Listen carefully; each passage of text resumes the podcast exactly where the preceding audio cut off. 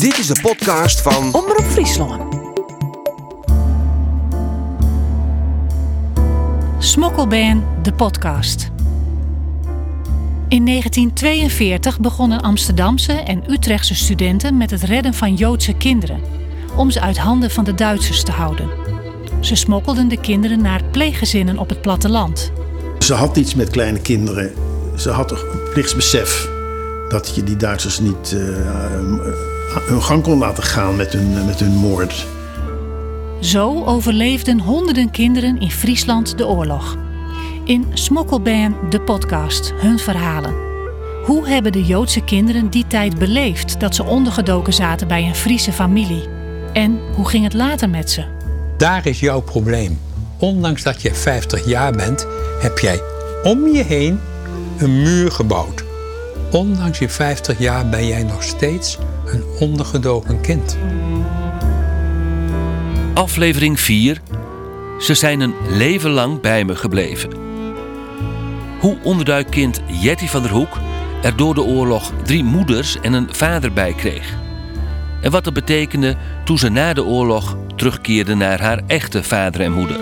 Dat schijnt dus een heel drama geweest te zijn. Ook toen ze hem op kwamen halen. Het zijn, het zijn enorm gegild en geschreeuwd te hebben, want ik wilde niet mee. Want tante Lampje, ja, die was voor mij mijn moeder. Ik ben Gerard van der Veer en samen met mijn collega Karen Bies maak ik de podcast Smokkelbijn.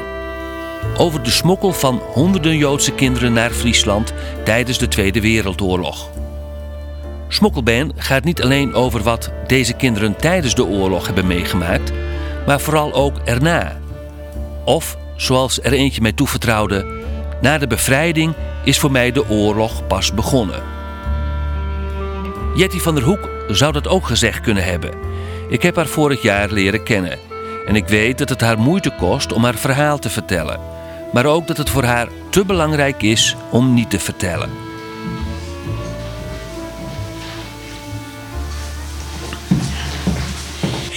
Dankjewel voor het kopje koffie.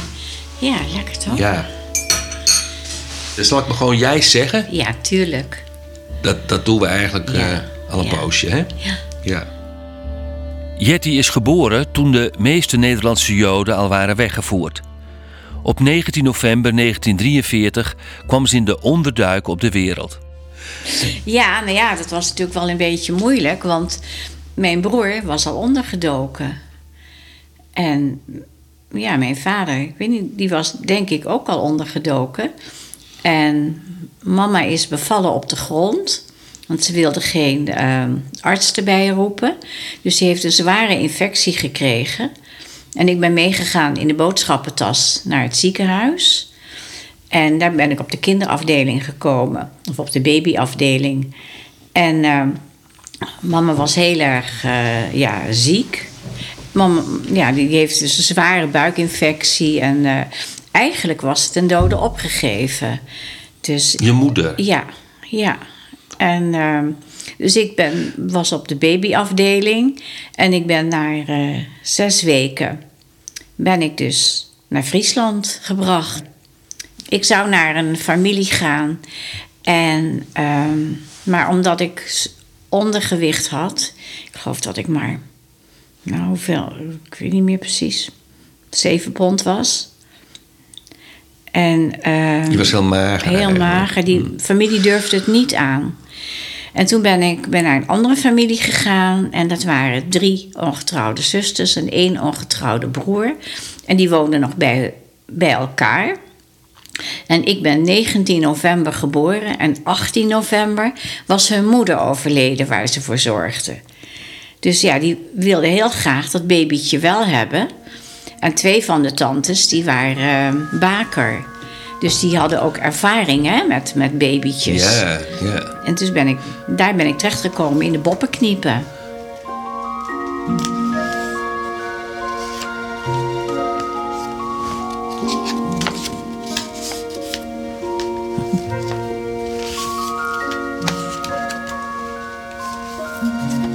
Die aanzichtkaart, dat is ehm, de kniepen waar ik geweest ben. Dit is de boppenkniepen. En die huisjes stonden langs een vaart. Dus daarom denk ik dat het de ene keer de boppenkniepen heet. En de andere keer weer de uh, benedenkniepen. Het is gewoon heel leuk om ja, nog een keer te zien eigenlijk hoe, ze, hoe het daar was. Hier staan ze met z'n vier op. Dat is ook heel leuk. Toen waren ze natuurlijk nog een stuk jonger.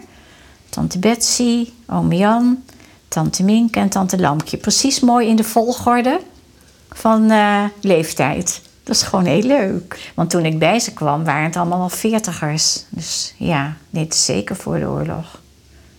Ja. ja. Het is eigenlijk nog een jeugdfoto ook. Want als ik tante Lampje zie... Nou, die is echt nog jong. Dat was ook de jongste. Scheelde tien jaar met tante Betsy. Dus ja, ja toen waren ze nog een stuk jonger. Hier zat ik dus als babytje in de kinderwagen. Waar ze gewoon ook mee konden wandelen hè, door, het, uh, door het dorp.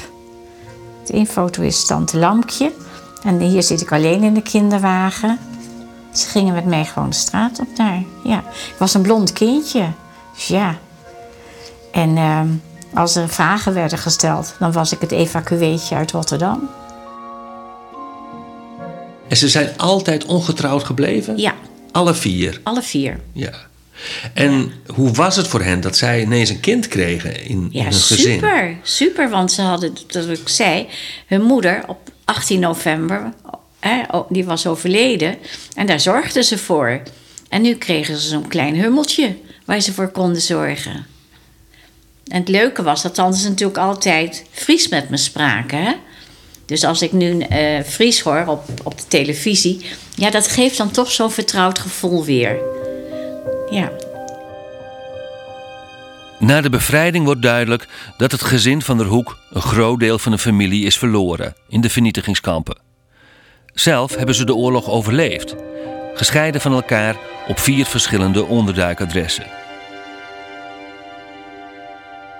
Mijn ouders zijn met het uh, Rode Kruis op zoek gegaan ja, naar, on, naar hun kinderen. Hè. Dus mijn broer hadden ze al sneller. En uh, naar mij hebben ze best vrij lang moeten zoeken. Hoe hebben jouw ouders jou geïdentificeerd daar in de kniepen? Want ja, ik bedoel, je, je was als baby ja, weggegeven voor de onderduik. En ja. ja. dan ineens ben je een kind van twee jaar. Dus, dus zie je, herkenden ze iets in jou van henzelf? Of? Nee, ik, ik had één kenmerk en dat was een moedervlek op mijn buik. En daar heeft mama me aan herkend. Maar ja, toen kwamen mijn ouders me ophalen. Maar ik kende mijn ouders niet. Het waren voor mij wildvreemde mensen. En toen is tante Lampjes meegegaan naar Utrecht, want daar woonden mijn ouders. En is een half jaar in huis geweest. Ja, daar werd mijn moeder natuurlijk ook helemaal dol van. Want ik kon toen ook niet hechten aan mijn moeder. Want tante Lampje, ja, die was voor mij mijn moeder. Of een van de moeders. En um, dus ja, dat schijnt dus een heel drama geweest te zijn. Ook toen ze me op kwamen halen, het zijn, zijn enorm gegild en geschreeuwd te hebben, want ik wilde niet mee. Dus ja, dan is ook weer zo'n kras op je ziel die je meekrijgt, hè?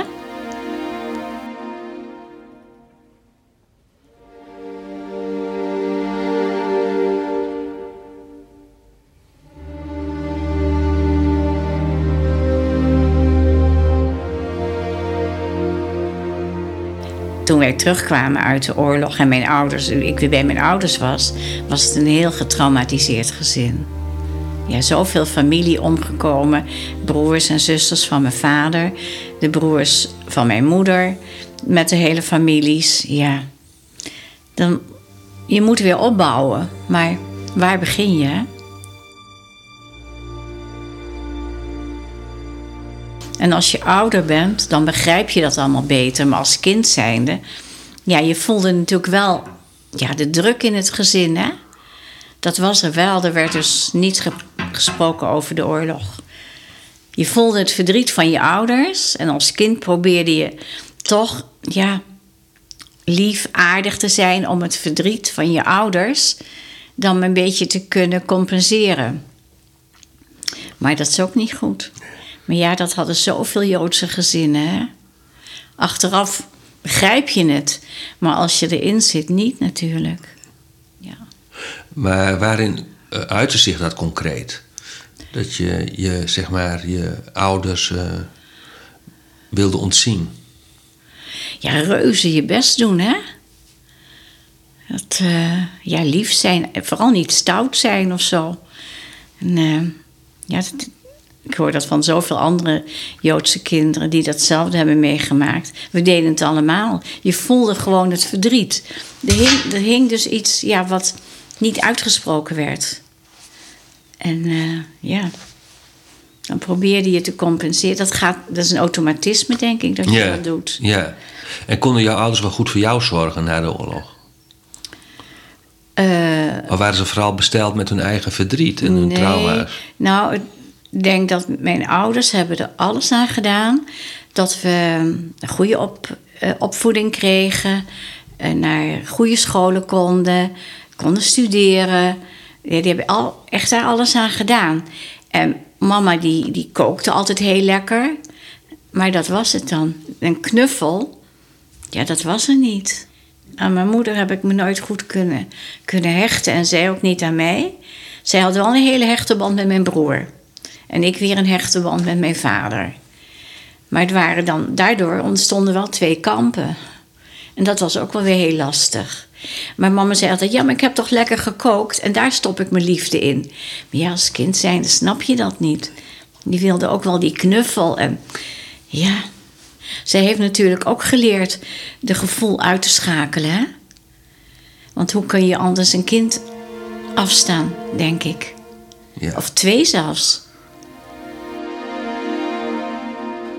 De heimwee van Jetty naar Betsy Jan Minke Lampje gaat maar niet voorbij. Het dwingt haar ouders ertoe de hulp in te roepen van de Van der Molens.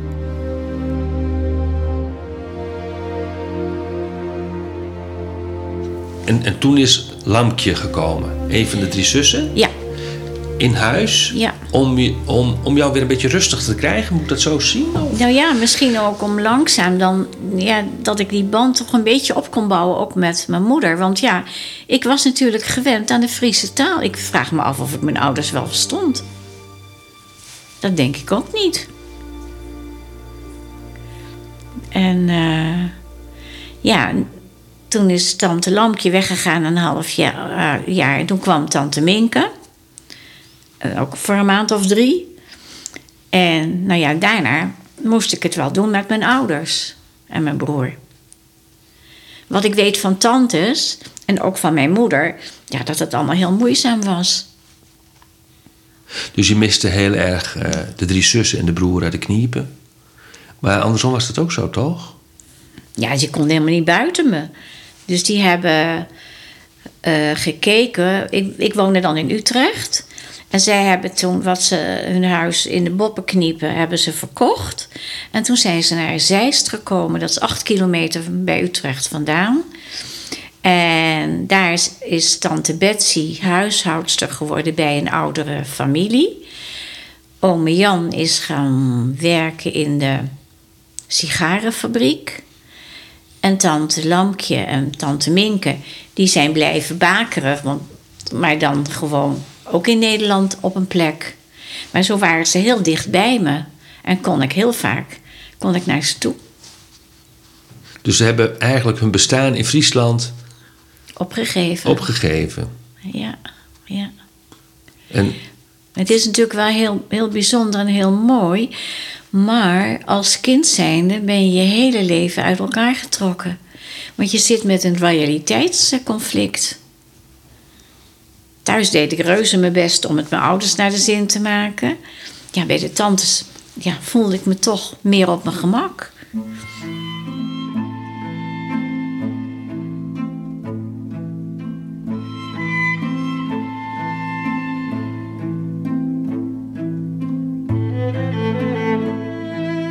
Ja, want mama is gevlucht uit Duitsland al in 1934. en eh, ze was concertpianiste. En ze werd dienstmeisje in, in, in, in Nederland. En zo heeft ze mijn vader leren kennen. Maar ja, die gevoelsmatig heeft ze natuurlijk al zoveel moeten afsluiten. Ik denk, ja, dat je, dan, dat je dat dan niet meer kan, hè? Dat, ja, die liefde geven aan elkaar. Ook niet tussen mijn ouders, hoor. Dat was, werd ook heel kil. Na de oorlog. Ja, Ja. ja. Ze heeft na de oorlog ook praktisch de piano niet meer aangeraakt. Ik kreeg wel pianoles. Maar ja, als je moeder concertpianist is en jij zit te oefenen thuis, ze hoort natuurlijk ieder foutje. Dus dan was mama in de keuken en dan riep ze weer fout. En dan dacht ik, oh nee hè. Dus het was eigenlijk een must.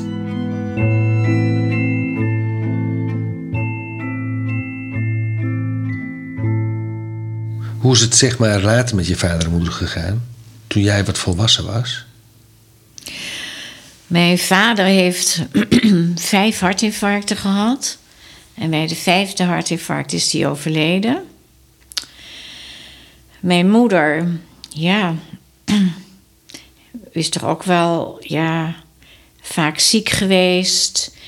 Eenzaam, denk ik. Want ja, het contact tussen mijn moeder en mij was echt niet goed. En het contact tussen mijn broer en mijn moeder na het overlijden van mijn vader was ook niet goed. Dus ik heb mijn moeder wel, een- denk ik, een paar jaar niet gezien hoor. Ik kwam echt niet meer thuis, want ja, ze was zo onaardig naar mij. En ja, dat klinkt vreemd, maar ook jaloers. Omdat, dat begrijp ik achteraf wel, dat ik wel dingen kon bereiken die zij ja, door de oorlog allemaal niet heeft kunnen bereiken.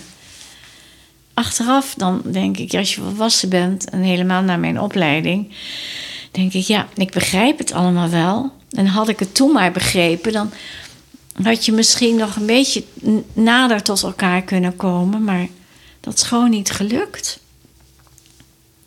En met mijn vader had ik een hele goede band, maar mijn vader heeft heel verdrietig genoeg het oorlogssyndroom gekregen.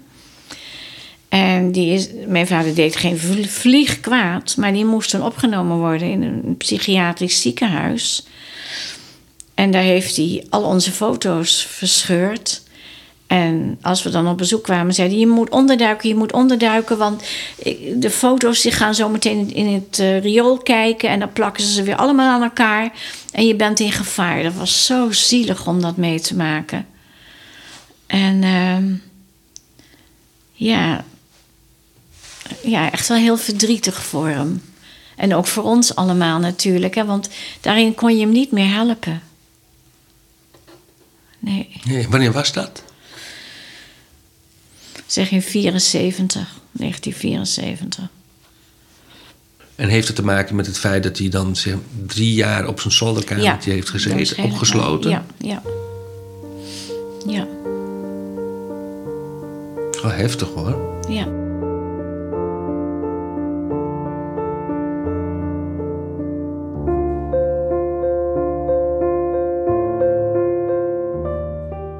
Wat, wat vind je eigenlijk van deze tijd waarin we leven? Dit vind ik geen gemakkelijke tijd. Nee. Ook niet, omdat toch weer heel erg het antisemitisme in opkomst is. En eh, ja, dat beangstigt me toch wel. Ja. Het is hard geworden. De maatschappij is hard. Mensen zijn ja, allemaal ikke, ikke, ikke. Die saamhorigheid. Ja, je- misschien door de corona even in het begin. Maar nu ook niet meer. Nee, ik, ik vind het zelf een, moeilijke tijd. Ik hoop niet dat de geschiedenis zich herhaalt. Maar of we er veel van geleerd hebben, vraag ik me af. Nou ja, als je om je heen kijkt, bedoel, het is niet alleen het antisemitisme, maar ja, het racisme. Ik vind het ja, een beetje eng. Ben toch meer op mijn hoede met dingen die je zegt, bijvoorbeeld. Ja. Ja. Kun je er wel voor uitkomen dat je Joods bent? Nee, dat doe ik niet zo gauw hoor. Ik droeg vroeger altijd wel de Davidster. Maar dat durf ik al helemaal niet meer. Ik heb dus nu de gai om. En dat is niet zo herkenbaar. Dat is deze die ik om heb. Oh ja. En dat betekent eh, leven. En heel veel mensen herkennen dit niet. Dan zeggen ze, oh wat een leuk beestje heb je. Hè, lijkt wel op een beestje. En dan zeg ik, ja leuk hè. Alleen ingewijden weten het wel. Ja, het is een Hebreeuws teken. Ja, Ja. ja. Ja, en als je dan leest over antisemitisme of als je iemand een opmerking hoort maken die misschien wel wat racistisch is, wat, wat, eh, wat doet dat dan met je? Ja, dat doet best wel pijn. Ik, bedoel, ik zal niet gauw erop op ingaan hoor. Ik bedoel, eh, je hebt ook voor zoveel discussies over Israël. Dan proberen mensen dus ook wel eens je uit de tent te lokken. Dat doe ik ook niet. Want vaak is de berichtgeving die we hier krijgen zo gekleurd. En daar ben ik gewoon heel voorzichtig mee. Is Israël een belangrijk land voor je? Ja, ik, ik wil er niet wonen. Maar voor mij is het wel, eh, ja, als ik er ben, dan voel ik me thuis. Ja, dan komt er echt zo'n gevoel van, ja, je hoeft niks uit te leggen. je bent onder elkaar. Ja, dat is wel heel fijn. Waarom voelt dat als onder elkaar? Eh, ja, Want je bent in Nederland geboren en jouw, jouw vader was ook Nederlands en je moeder Duits. Ik bedoel, Ja, ja. Maar dat is kennelijk een gevoel wat Joodse mensen hebben. En dat is niet uit te leggen als ik ergens in Nederland ben ook. En mm, ik ontmoet iemand anders die Joods is. Dan heb je ook dat gevoel. Een gevoel kun je niet uitleggen. En als je dan in Israël komt, dan... Ja, voor mij is dat een gevoel van thuiskomen.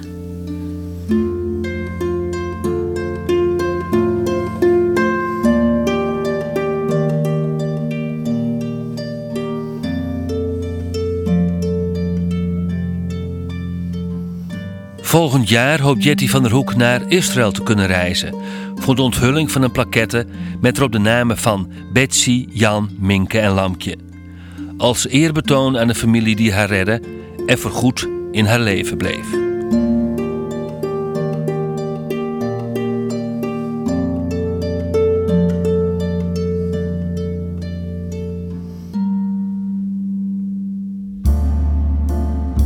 Je luisterde naar aflevering 4 van Smokkelband de podcast. Gemaakt door Karen Bies en Gerard van der Veer. De muziek is van Johan Johansson en van de Silk Road Ensemble met Jojoma. Montage Harry Zwerver, technische hulp van Steven Scholte en Martin Wiebega. Vormgeving Hugo Bosgraaf, online redactie Marijke de Boer. Smokkelbaan is niet alleen een podcast, er is ook een serie tv-documentaires van Friesland Doc. Kijk daarvoor op omroepfriesland.nl slash frieslanddoc. Smokkelbaan wordt gemaakt door Omroep Friesland en Stichting De Verhalen. In samenwerking in het project De Terugkeer van de Joodse Kinderen. Abonneer je op Smokkelbaan de podcast via iTunes, Google of Spotify. Dan krijg je elke keer een seintje als er weer een nieuwe aflevering is.